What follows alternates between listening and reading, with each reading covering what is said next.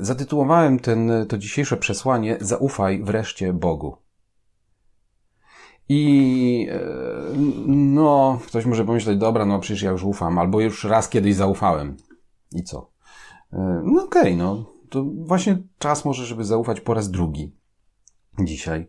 E, albo jeżeli ktoś powie, no fajnie, ale ja, mi się jeszcze nie udało. Znam takich, którzy zaufali i mają się dobrze, albo znam takich, którzy zaufali i mają się wyjątkowo źle, więc nie wiem, jak to jest i nie wiem w ogóle, co to znaczy, żeby zaufać. No, spróbujmy temat troszeczkę dzisiaj rozkminić, tak bardzo, bardzo delikatnie. I spróbuję się skupić na takich trzech punktach. Po pierwsze, co to znaczy zaufać Bogu? Wstępem do tego będzie, co znaczy zaufać w ogóle komukolwiek. Po drugie, z czym się wiąże zaufanie Bogu, a raczej może w, jaki przynosi owoc.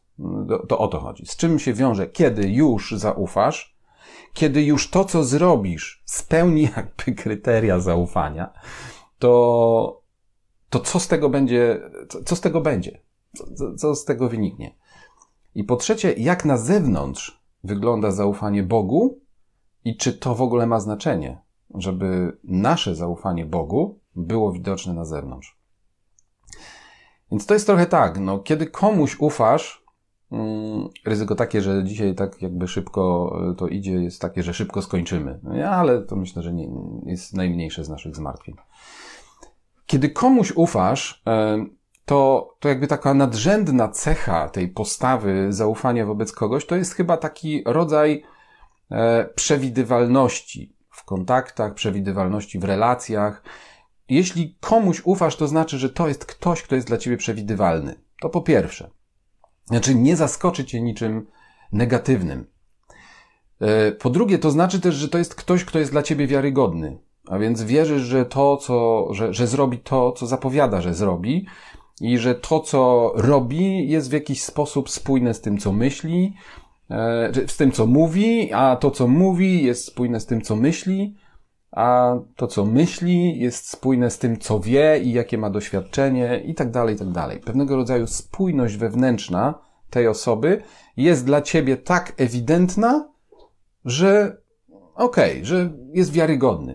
Wiecie, to, to, że, to, że jest wiarygodny i w ogóle to, to, to, to zaufanie i wiarygodność, mm, tak jak powiedziałem, dużo różnych, dużo różnych obszarów się zapuszczałem, trochę próbując temat, temat zgłębić. Nie będziemy się zapędzać dzisiaj w jakieś obszary greki, e, jakiegoś, wiecie, mm, e, e, jakiejś etymologii słów, którymi się tutaj Biblia posługuje, szczególnie Nowy Testament nie jest daleko. Są różne słowa, może w którymś momencie e, do tego dojdziemy. Są, są przede wszystkim no, dwa różne pojęcia. Jedno, które mówi o wierze i o takim zaufaniu, które jest bardziej bliskie wiary, czyli pistis, a więc pisteo jako czynność.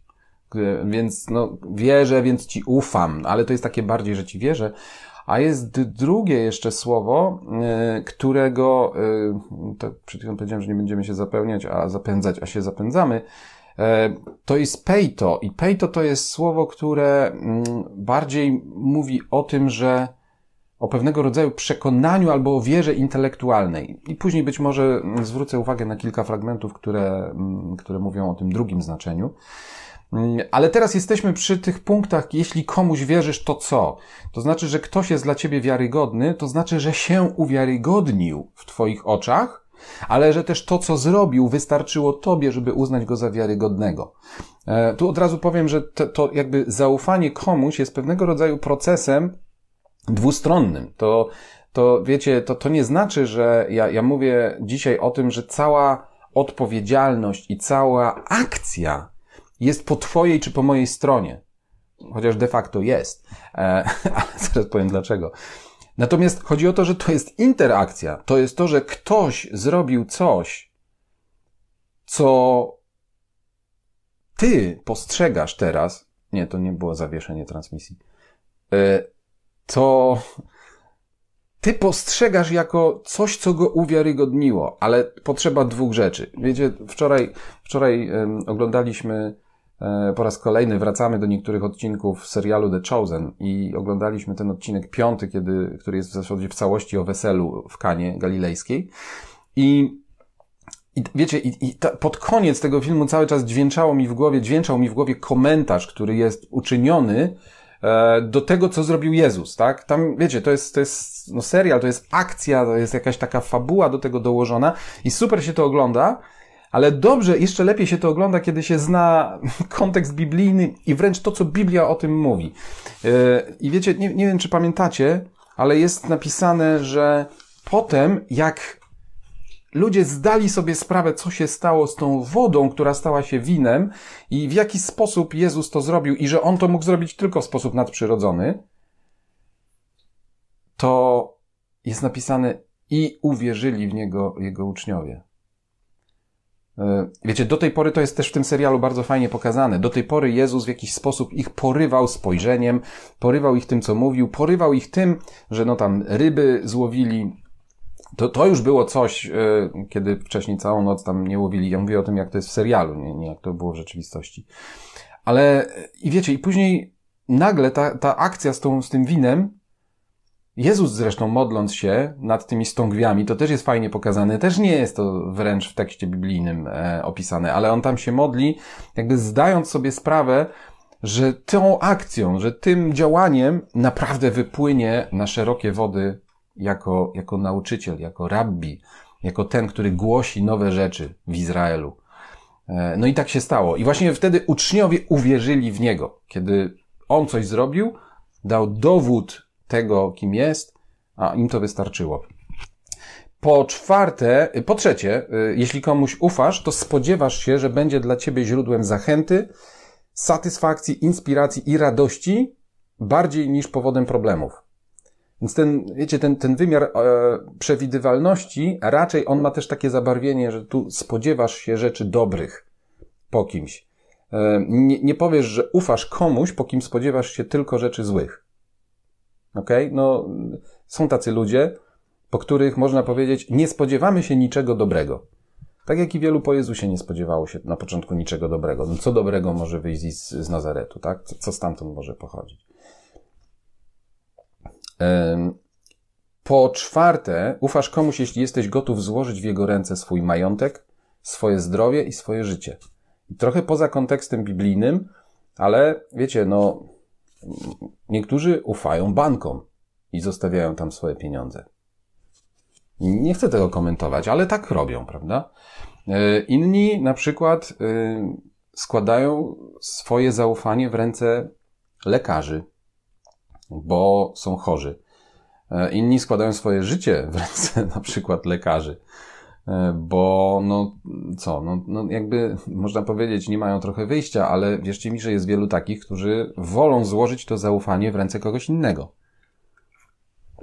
Przy tej okazji chcę powiedzieć, bardzo wyraźnie w tym punkcie widać, że tak naprawdę, tak można powiedzieć po, z angielska, ultimatywnie, możesz pełnię swojego zaufania złożyć w kimś jednym. Nie da się złożyć pełni swojego zaufania w dwóch osobach naraz. Pełni. Nie możesz w tym samym czasie zaufać Bogu i mamonie. Po prostu. Jak komuś ufasz, oczywiście można ufać wielu osobom, ale w pewnym zakresie. Kiedy mówimy o rzeczach właśnie takich jak życie, kiedy mówimy o rzeczach takich jak zdrowie, rzeczach takich jak majątek, cały majątek, bo wiesz, możesz rozdzielić swój majątek na kilka różnych banków. No ale generalnie można powiedzieć, ufasz wtedy bankom czy bankierom. No, dywersyfikacja w pewnych rzeczach jest bardzo dobra i bardzo zdrowa. Ale w pewnych rzeczach, kiedy kwestia dotyczy na przykład życia, no nie bardzo da się to zdywersyfikować. Po piąte, kiedy komuś ufasz, spodziewasz się, że oczekiwania tej osoby względem ciebie nie będą wygórowane i dasz radę im sprostać. Jeszcze raz to powtórzę.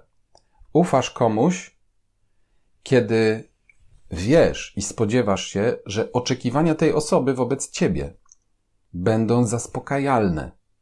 Że ktoś nie będzie od ciebie oczekiwał czegoś, czego nie jesteś w stanie zrobić. I tu oczywiście od razu nam to jakby, wiecie, zalatuje taką relacją z Bogiem, no bo Bóg jest tym, który od nas przecież wymaga. Nie, nie, nie, nie, zupełnie nie to miałem na myśli. To dotyczy naszych relacji między sobą, między ludźmi. nie możesz ufać, nie ufasz komuś do końca, po kim spodziewasz się, że o, masz, on wszystkie te rzeczy robi, jest przewidywalny, dobre, dobre rzeczy robi i tak dalej. Może właśnie z tą przewidywalnością jest trochę wtedy słabo, ale kiedy spodziewasz się, albo jest ryzyko, że on będzie oczekiwał od ciebie czegoś, czego nie będziesz w stanie spełnić. I ostatnia taka cecha, naprawdę możesz ufać komuś, z kim jesteś blisko osobiście. Jednak jeżeli kogoś znasz na odległość, jeżeli wiesz o kimś, nawet dużo, to jednak no, to nie będzie takie pełne zaufanie. Okej. Okay. I kochani, chciałbym, żebyśmy teraz, e, wiecie, skupili się na takich kilku elementach, co to w praktyce znaczy zaufać Bogu. Bo termin, że zaufaj Bogu, e, ufam Bogu, ufaj Bogu, zaufał i, i tak dalej, w różnych w, w kontekstach, w różnych formach gramatycznych, w różnych też tłumaczeniach. E, ja powiem, że jakby te słowa dzisiaj będziemy, czerpiemy, czy tłumaczenia czerpiemy głównie z Biblii akurat warszawskiej, czyli brytyjskiej, choć niektóre fragmenty, e, mając przed oczami mój papier, będę czytał z UBG. Także to może się troszeczkę my, różnić, jeśli chodzi, wiecie, o sam, samo słowo, ale właśnie dlatego specjalnie nie chcę za bardzo wchodzić w jakąś taką, w jakieś takie detale, dlatego że, wiecie, o zaufaniu, my mówimy o zaufaniu. Więc mówimy o pewnej postawie, którą można opisywać na wiele różnych sposobów. I czy ktoś powie, że ja ci ufam albo ja ci wierzę, to dzisiaj dla nas nie ma aż takiego znaczenia, tak? Nie, nie chodzi o to, żeby to specjalnie rozróżniać. Nie chodzi o to, żeby ja ci ufam sercem, a ja wierzę ci umysłem i tak dalej. Tu bardziej chodzi o pewną właśnie postawę i o to, w czym ta postawa się przejawia i co ta postawa przynosi ostatecznie do twojego życia. Bo o to w tym wszystkim chodzi bo o to w tym wszystkim chodzi. Przeczytajmy drugą z drugiej księgi Samuela. To będzie takie, taka mała inwersja nam się tutaj za chwilę wkradnie, ale tak, najpierw przeczytajmy z drugiej księgi Samuela. Samuela. No chodźże tu, przed królewską. 22 rozdział, druga Samuela. E, pierwsze trzy wersety 22 rozdziału drugiej księgi Samuela. Czytamy tam tak. Dawid wypowiedział Panu słowa tej pieśni w dniu, gdy Pan go wybawił z rąk wszystkich jego wrogów i z ręki Saula. Więc mamy nakreślony pewien stan, jest jakaś sytuacja, są jakieś okoliczności. Dawid właśnie odniósł zwycięstwo, czy tam kilka zwycięstw. No, można sobie, za chwilę się cofniemy do 21 właśnie, dlatego mówiłem, że tak trochę dziwnie. Ale w tym 22, kiedy już odniósł te zwycięstwa, mówi tak. Pan jest moją skałą, moją twierdzą i moim wybawicielem. Bóg moją opoką, której będę ufał. Moją tarczą i rogiem mojego zbawienia. Moją wieżą i moją ucieczką. Moim zbawicielem wybawiasz mnie od przemocy. No, to, to jest fragment, początek, oczywiście jak komuś to pobrzmiewa, tak, no to to jest początek psalmu 18, więc jakby to, to jest osobno spisane gdzie indziej w innym miejscu, ale właśnie w tym miejscu Dawid mówi, jemu będę ufał. Dlaczego? Bo on dowiódł przed chwilą, że warto jemu ufać, że jest wierny, że jest prawdomówny, że jest przewidywalny. Ale uwaga, jak do tego doszło, że Dawid okazał zaufanie Bogu wcześniej? E, więc na chwilę się cofnijmy do rozdziału 21. Początek 21 rozdziału. Za czasów Dawida panował głód przez trzy lata rok po roku. Dawid szukał więc oblicza Pana, a Pan odpowiedział, to z powodu Saula i jego krwawego domu, ponieważ wymordował Gibeonitów.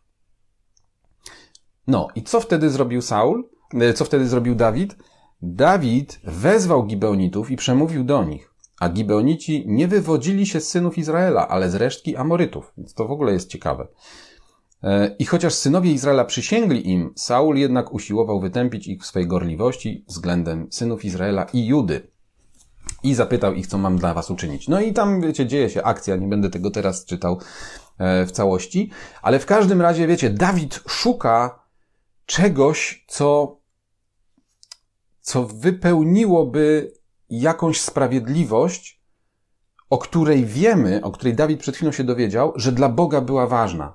Że ważne było to, żeby ze względu na też mniejsza z tym, co, co leżało u podstaw tego kiedyś, ale Gibeonici byli ludem, mimo że nie byli Izraelitami, nie, nie pochodzili z żadnego z plemion, byli ludem, który w jakiś sposób pozyskał Bożą przychylność i w związku z tym Bóg zobowiązał Saula, żeby postępował z nimi łagodnie. Saul postąpił inaczej.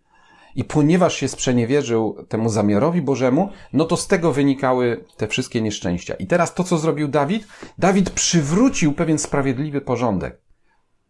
On w swojej gorliwości uznał, że że to, co po pierwsze Bóg mu teraz powiedział, to, co mu objawił, i po drugie to, co wcześniej zamierzył wobec tych Gibeonitów, było sprawiedliwe, było zgodne z wolą Bożą. I on teraz przykłada całe zaangażowanie do tego, żeby przywrócić porządek. No i tam się, wiecie, mm, różne rzeczy podziały. E, no, tam mniejsza z tym, co zrobili. No i I generalnie jest napisane, tak teraz e, szukam tego, w każdym razie tam jest napisane, że Ziemia doznała, e, doznała wytchnienia. Mm.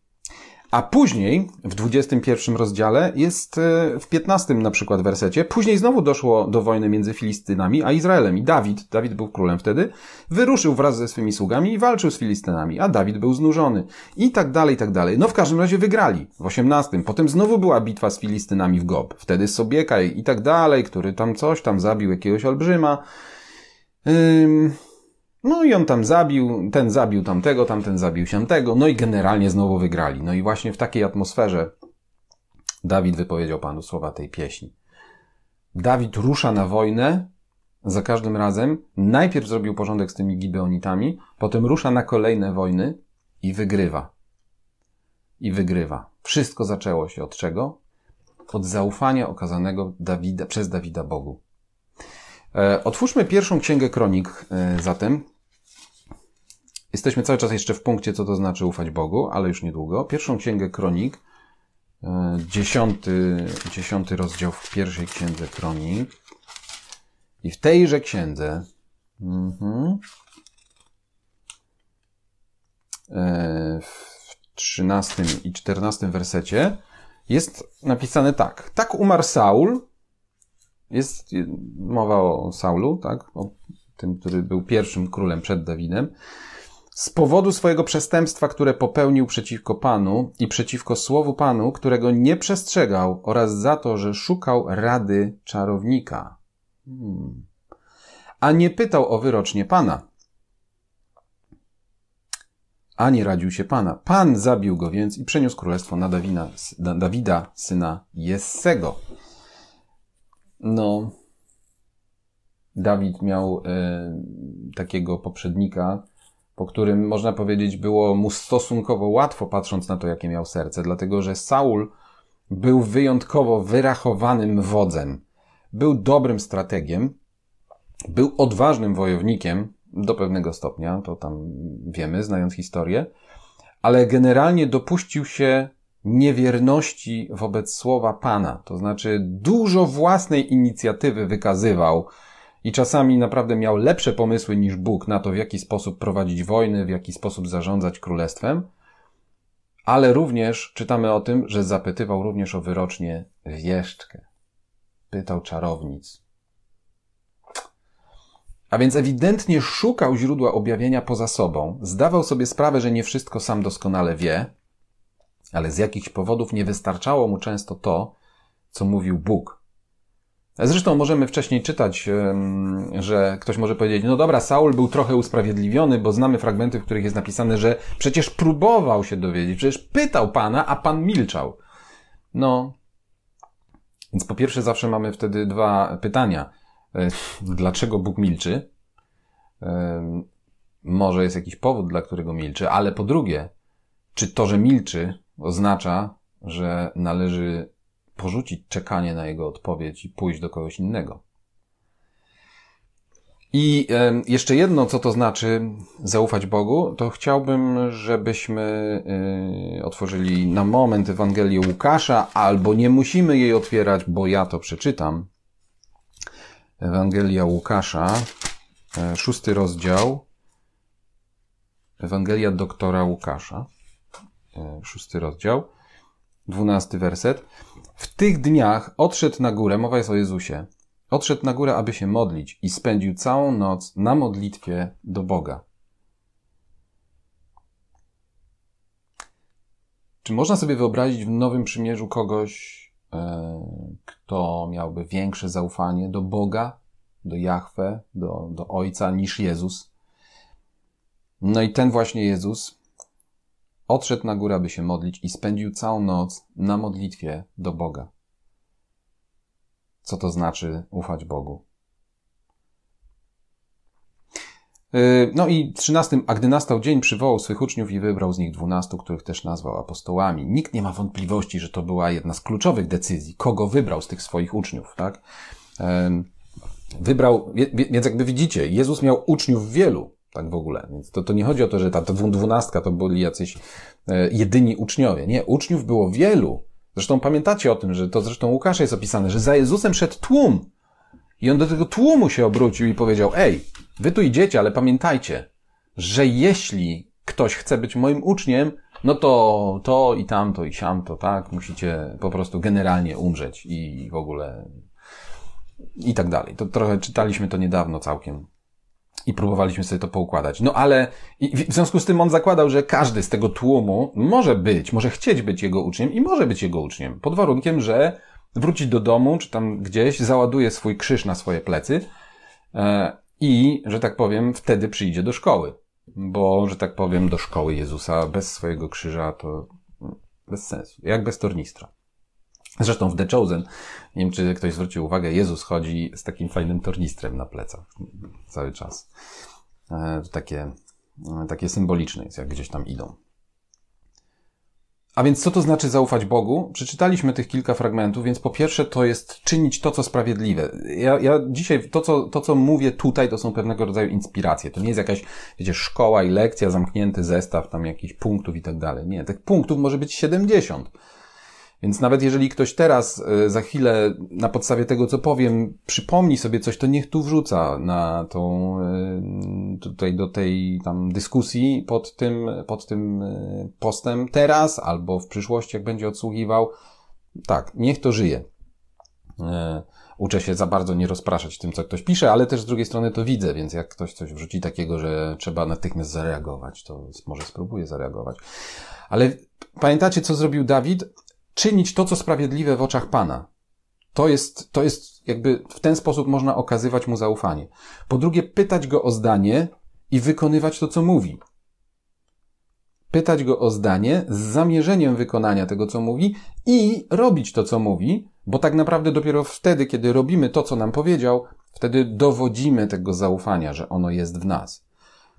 I po trzecie, nie szukać innych źródeł objawienia w tym samym czasie. Czyli jeżeli Bóg nic nie mówi, to nie znaczy, że trzeba iść do innego Boga. Zresztą na tym polega przykazanie dane przez Boga Mojżeszowi. Nie będziesz miał innych bogów obok mnie. Tam nie ma przede mną. Tam jest obok mnie. Bóg jest Bogiem zazdrosnym. Więc jeżeli mu ufasz, to na 100%, jeżeli mu ufasz na 100%, to nie ma żadnego procenta, który należałby się komuś innemu. Który należałby się komuś innemu. Wiecie, Bóg może realizować, zaufanie wobec Boga, ty możesz realizować na wiele różnych sposobów, tak? Możesz też realizować, ja mogę też realizować, okazując zaufanie ludziom, którzy są przez Niego posłani. Ale nadal musimy pamiętać, gdzie lokujemy nasze, nasze zaufanie. Komu ufamy? Kto kogo uwiarygadnia? Wiecie, Jezus posyła, czy Bóg posyła posłańca do, do Marii, do Nazaretu. I mówi, że urodzisz syna i tak dalej. Ona tam na początku się tak trochę cyka, no ale potem już jakby zaczyna mu ufać. I zaczyna mu ufać nie dlatego, że gość po prostu y, jest, wiecie, ładnie wygląda, dobrze pachnie, źle, dobrze się ubrał, e, ładnie uczesał i, że tak powiem, nie wiem, sandały przeczyścił, zanim do niej przyszedł tylko dlatego ona zaczyna mu wierzyć, bo zaczyna wierzyć w to, że on jest posłany przez Boga. I tak samo jest, e, i tak samo jest w naszym życiu. Kiedy zaczynasz wierzyć, że ktoś jest w jakiś sposób posłany przez Boga, w jakimś zakresie chociażby, używany przez Niego, nie jest dobre słowo używany, bardzo tego nie lubię. Może jest współpracownikiem Boga, jest jego posłańcem. To jest znakomite określenie. To zaczynasz mu ufać, ale nie dlatego mu ufasz, że dobrze wygląda i że sam siebie uwiarygodnił i ładną historię opowiedział, tylko dlatego, że zaczynasz wierzyć, że faktycznie tamten go posłał. I tak to działa. Więc nie będziesz szukał innych źródeł objawienia, nie będziesz szukał innej wyroczni. I wiecie, to można powiedzieć, ok, tam za, za Saula, no to było takie ewidentne, tak, bo poszedł do wróżki. No dobra. A my dzisiaj? Gdzie mamy nasze wróżki? W czym pokładamy zaufanie? I wiecie, tu nie chodzi o to, że nie mamy nagle od dzisiaj zwracać uwagi na prognozę pogody, na przykład. E, bo to są pewnego rodzaju modele statystyczne, które z pewnym prawdopodobieństwem potrafią e, powiedzieć, co się wydarzy za chwilę. Zresztą tego akurat Jezus nie krytykował. Powiedział, no widzicie, że tam nadciąga chmura i mówicie, że będzie deszcz. Super, słusznie mówicie, no bo tak to działa. Do, temu służą właśnie obserwacje. Dzisiejsze modele są po prostu bardziej skomplikowane i potrafią sięgnąć trochę dalej niż tylko nasz wzrok na niebie. Więc to jest w porządku. Jeżeli potrafisz przełożyć przeszłe obserwacje na prawdopodobieństwo wydarzenia się czegoś w przyszłości. Mało tego, Jezus zachęca wręcz, żeby właśnie tego modelu, bardzo racjonalnego, używać do spodziewania się Jego przyjścia. Mówi, jeżeli tak potraficie, to tym bardziej powinniście potrafić, patrząc na to, co się dzieje, co wam zapowiedziałem, oczekiwać mojego przyjścia. No i tak dalej. Ale nie, nie o tym dzisiejsze, dzisiaj jest to słowo. Nie chodzi o to, co tylko, wiecie, o przewidywanie tego, co się ma wydarzyć, ale o to, kto i co ma być inspiracją dla ciebie, co masz robić w swoim życiu. To jest kluczowe. Dzisiaj ludzie tak bardzo są pogubieni, tak bardzo są zamieszani i tak bardzo są, wiecie, przesiąknięci jakimiś aspiracjami, jakimiś ambicjami, jakimiś po prostu potrzebami swojego wybujałego ego, albo cudzego ego, albo dzieci, na przykład ego rodziców, że są kompletnie pogubieni i w ogóle nie mają cierpliwości, żeby zaczekać na głos Boży. Nikt tak bardzo jak Bóg nie jest zainteresowany tym, żeby nas poprowadzić. No dobra, to teraz króciutko z czym się wiąże zaufanie Bogu, a więc jakie owoce w Twoim i w moim życiu może przynieść to, kiedy Jemu zaufasz. Bo wiecie, to jest, to jest dość istotne i naprawdę każdy z nas musi to rozkminić na swoim poziomie. Co jest okazaniem zaufania, a co jest owocem tego, że okazujesz to zaufanie? Bo to nie jest to samo. I mało tego, dla wielu z nas te różne rzeczy, wiecie, to, to, ta, to samo, ta sama czynność może być w pewien sposób dla jednego okazaniem zaufania, a dla kogoś drugiego może być pewnego rodzaju owocem tego, że to zaufanie przed chwilą okazał w czymś innym. Więc wiecie, to, to jest coś, co jest do rozróżnienia, ale ewidentnych jest kilka rzeczy, które wiążą się z tym, co się może wydarzyć, kiedy zaufasz Bogu. W psalmie drugim Dawid mówi, ja nie będę mówił, że tam Dawid, bo niektóre psalmy wiadomo, że nie są Dawida, no ale okej, okay, to skupmy się na tym, że, e, że w psalmach, chociaż te akurat fragmenty dotyczą w znakomitej większości Dawida, bo to był mistrz w okazywaniu zaufania.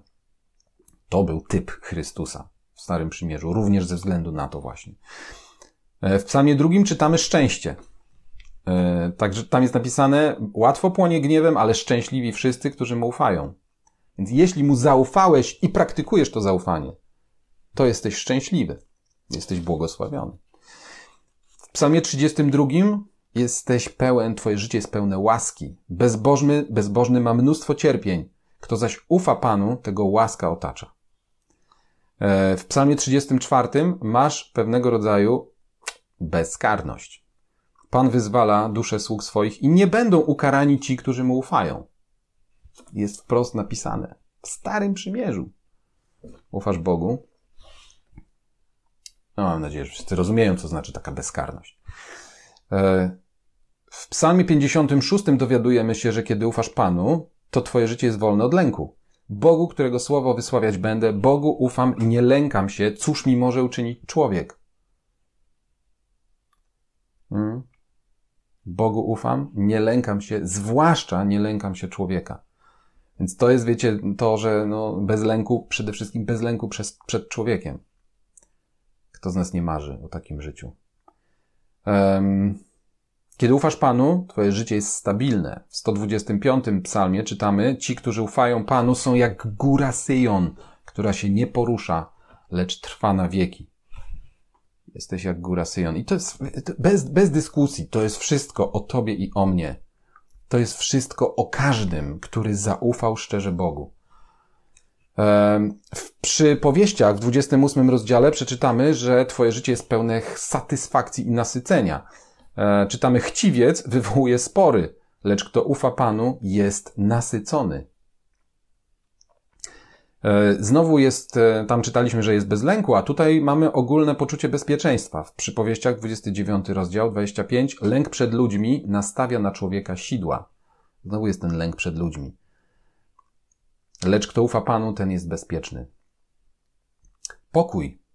W księdze Izajasza 26 rozdział 3-4 czytamy Temu, którego umysł jest stały, zachowujesz pokój. Pokój mówię, bo Tobie zaufał.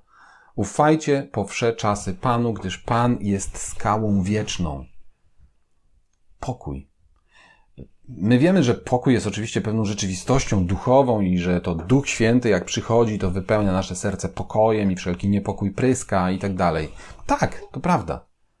Ale na poziomie psychicznym, zanim nawet często wpuścimy do, do naszego ducha, ducha Bożego, w, naszym, w naszej duszy może zapanować pokój tylko z tego powodu, że zaczynamy ufać Bogu.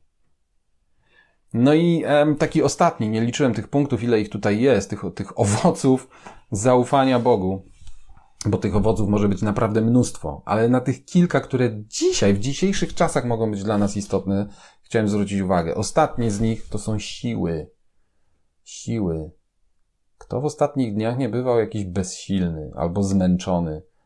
I różne rzeczy wymyślamy. A, bo to atak duchowy, a, bo to przesilenie wiosenne, a, bo pandemia za długo trwa, no, bo wirus, no, bo wiecie, i są różne powody, dla których w sposób naturalny rzeczywiście możemy być zmęczeni i możemy być bezsilni.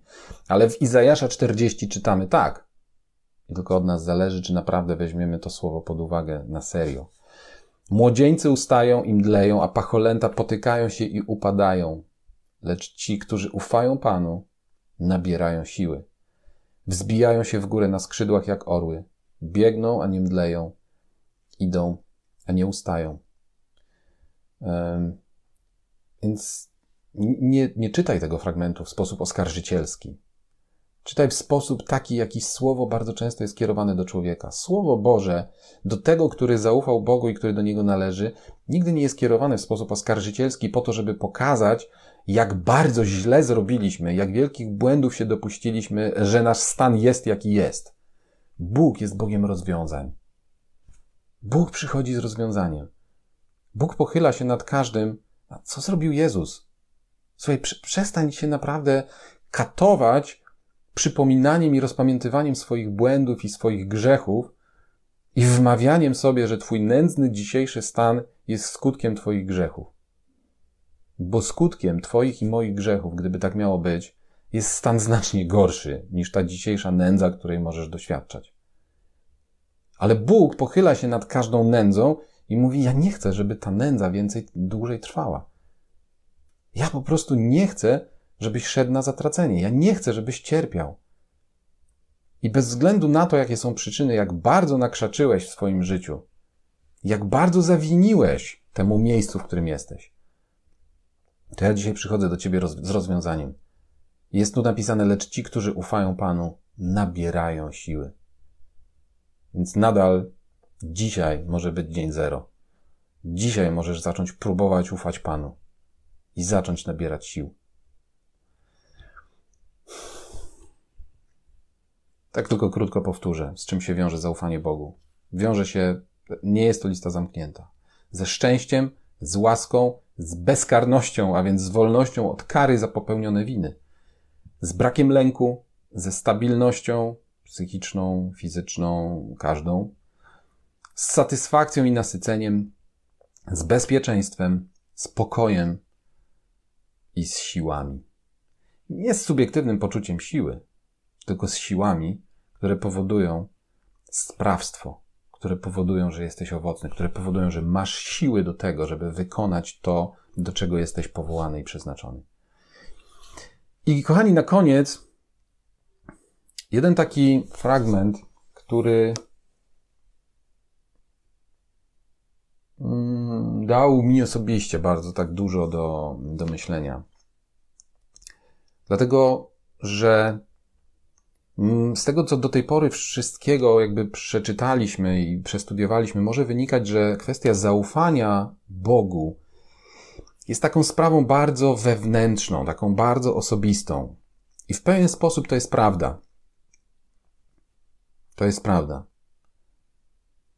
Ale jeżeli, jeżeli zaufanie Bogu naprawdę, a to starałem się dzisiaj pokazać, naprawdę diametralnie może zmienić jakość Twojego i mojego życia, to nie da się tego zatrzymać w ukryciu. To nie da się tego utrzymać tak w sobie, wewnętrznie, głęboko, żeby inni tego nie widzieli. I zresztą, jeżeli na przykład przeczytamy, yy, teraz nie będziemy tego szukać, bo, bo nie pamiętam dokładnie miejsca, w którym to jest, może ktoś to zaraz podrzuci, ale jak apostoł Piotr pisze, że powinniśmy być gotowi zawsze do wytłumaczenia się z nadziei, która nam przyświeca. To właśnie to miał na myśli.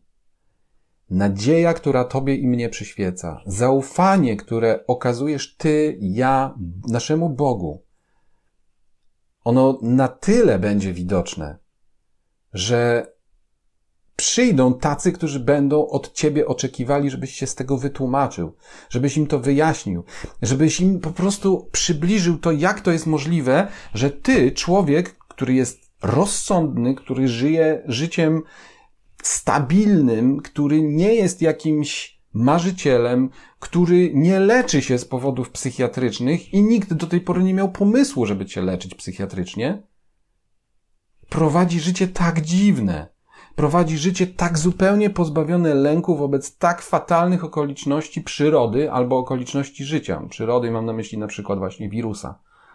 Albo prowadzi tak spokojne życie wobec tak kolosalnej niepewności ekonomicznej. Albo prowadząc biznes gastro czy hotelarski, nie trzęsiesz się z niepokoju. Poprzestajesz na tym, co masz. 1 Piotra 3,15. Dzięki. To jest właśnie to, o czym mówiłem przed chwilą. Albo mając chore dziecko w domu, śmiertelnie chore dziecko, umierającego rodzica, nie rozpaczasz. Nie rozpaczasz. Tylko pomimo smutku, który masz w emocjach, potrafisz wszystko złożyć w ręce tego, który i tak ostatecznie jedyny ma prawo dawać i odbierać życie dawać i odbierać majątek, dawać i odbierać cokolwiek. Wiecie, my wtedy bardzo chętnie się czepiamy wersetów, które mówią, o, nieodwołalne są dary i powołanie Boże. Wiecie, jak potrafimy czasem okropnie, okropnie, Bożym Słowem, z diabelska robota. Jeżeli ty i ja Bożym Słowem będziesz Bogu wykręcał rękę i próbował manipulować tym, co powiedział w innym miejscu, to czynisz robotę diabła. Ponieważ dokładnie to robił diabeł na pustyni. Brał Boże Słowo i próbował pokazać Jezusowi, że się myli, albo próbował wykazać jakąś niekonsekwencję. Nie róbmy tego. I nie próbujmy Bożym Słowem próbować wykręcić Bogu ręki i zmusić go do czegoś. Dlatego, że on wie, co chciał powiedzieć. I my w gruncie rzeczy, w naszych sercach, kiedy naprawdę w duchu Bożym czytamy Jego słowo, to musimy powiedzieć tak, wiemy o co chodzi. Wiemy o co chodzi. Więc prawdą jest to, co mówił Hiob. Pan dał, Pan wziął, niech będzie uwielbione Jego imię. On jest Panem wszystkiego. Więc jeśli naprawdę jest Panem wszystkiego, nie będziesz wierzgał bez sensu i próbował w jakiś taki śmieszny sposób zachować to, co Ci dał. Dlatego, że to wszystko jest i tak Jego. I Ty jesteś Jego. Ja jestem Jego. I On wie, co jest dobre dla Jego własności. No i ten ostatni punkt właśnie, o co chodzi z tym wyglądaniem na zewnątrz. Przeczytajmy w Ewangelii Mateusza 27. E, jak ktoś myśli, że Mateusza 27, no to tak, to są już te hardkorowe wydarzenia ostateczne. I w 27 rozdziale, w 39 wersecie e, Jezus wisi na krzyżu. To jest ta scena. I, i ci, którzy przechodzili obok, bluźnili mu kiwając głowami i mówiąc, ty, który burzysz świątynię i w trzy dni ją odbudowujesz, ratuj samego siebie. Jeśli jesteś Jezusem, Synem Bożym, zejdź z krzyża. Podobnie naczelni kapłani z uczonymi w piśmie i starszymi, naśmiewając się, mówili. Innych ratował, a samego siebie uratować nie może. Jeśli jest królem Izraela, niech teraz zejdzie z krzyża, a uwierzymy mu. Ufał Bogu, niech go teraz wybawi, jeśli go sobie upodobał. Przecież powiedział: Jestem synem Bożym. Widzicie potężną, naprawdę z samego dna piekła energię tych słów, którzy wypowiadali kapłani, którzy które wypowiadali ci, którzy zawodowo trudnili się służbą pańską. Brali Boże Słowo, brali nawet słowa Jezusa i wykrzywiając je, teraz zarzucali mu niekonsekwencje. Zarzucali mu mówienie nieprawdy. Ale jedną, w jednym byli prawdziwi. Powiedzieli, zaufał Bogu. To niech go teraz wybawi. Zaufał Bogu. Co mi to mówi? Dlaczego w ogóle na to zwróciłem uwagę? No właśnie to, że w życiu Jezusa nie było wątpliwości, komu ufał. Nie było wątpliwości, komu zaufał. I Jezus, pamiętacie jego modlitwę w, w ogrodzie? Powiedział, Panie, Ojcze, Tato, jeśli możliwe, żeby mnie ten kielich ominął, to niech mnie ominie. Ale nie moja, ale Twoja wola niech się dzieje. Powiedział, moja wola na poziomie moich emocji, mojego życia, mojego spodziewania się tego cierpienia, które zaraz ma na mnie nadejść, jest taka. Gdyby to tylko ode mnie zależało, to ja bym tego uniknął. Chciałbym tego uniknąć. Ale, potem następuje to ale. A ale mówi, że to, co jest po ale, jest ważniejsze od tego, co jest przed ale. A więc to, co jest po ale, mówi Twoja wola, nie moja, niech się stanie. To znaczy, okazuje Tobie zaufanie, że wiesz, co robisz. Że stanie się dokładnie to, co zaplanowałeś, stanie się dokładnie to, co mi przekazałeś, żebym mówił. Pamiętajcie, że Jezus mówił uczniom wprost: Po trzech dniach zmartwychwstanę. I i to było to zaufanie. I dał się poprowadzić na kaźń, dał się poprowadzić na krzyż, pozwolił się do niego przybić i wisząc na tym krzyżu, znosił te wszystkie urągania. Dlaczego był w stanie to znieść? Właśnie dlatego, że zaufał Bogu. Właśnie dlatego, że wiedział, że jeśli on coś obiecał, to ma moc uczynić. Właśnie dlatego, że wiedział, że obietnice Boże wypełniają się również w czasie, w którym zostały zaplanowane do wypełnienia. Jeżeli tak, jeżeli tak, to będąc na samym dnie tej kaźni, tuż przed oddaniem ducha, tuż przed śmiercią, potrafił tam zachować spokój w swoim sercu i wiedzieć, że stanie się dokładnie to, co było zapowiedziane. To było zaufanie. To było zaufanie. I co? I ostatecznie zmartwychwstał. I ostatecznie Bóg udowodnił to, że mówił prawdę. Ciekawie, gdzie byli wtedy ci, którzy tutaj właśnie mówili mu, że zaufał Bogu, no to niech go wybawi.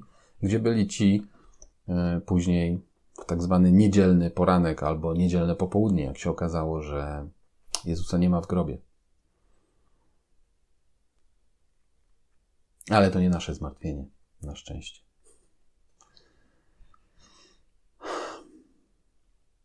Więc jeżeli naprawdę, naprawdę, naprawdę chcesz ufać Bogu, to i czekasz na te owoce, i czekasz na te efekty, i czekasz i marzysz o życiu pełnym szczęścia, łaski, wolności od jakiejś kary, od, od, od lęku, pełnym stabilności, nasycenia, bezpieczeństwa, pokoju i siły, to licz się z tym, że będzie to widać na zewnątrz, że Twoje zaufanie wobec Boga będzie widoczne na zewnątrz.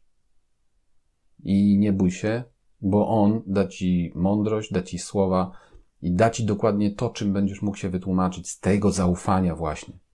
Z tego zaufania. I będzie to widać. I może się okazać, że to zaufanie, które masz, jeżeli naprawdę masz je głęboko w sercu i głęboko w swoich uczynkach, i w swojej postawie, i też w swoich emocjach, to to może być największe świadectwo, które przyciągnie wielu do Boga. Bo to udowodni, że On jest realny, że On jest prawdziwy, że żyje, że jest przewidywalny, że dokładnie zawsze robi to, co zapowiedział.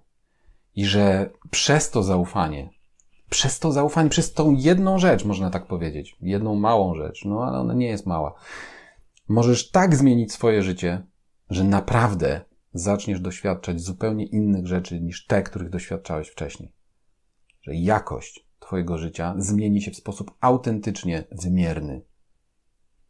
I nie dlatego, że dokonano jakiejś wymiany, że jakiś trading miał miejsce, ale dlatego, że po prostu zaczyna być w Twoim życiu widać owoce tego zaufania.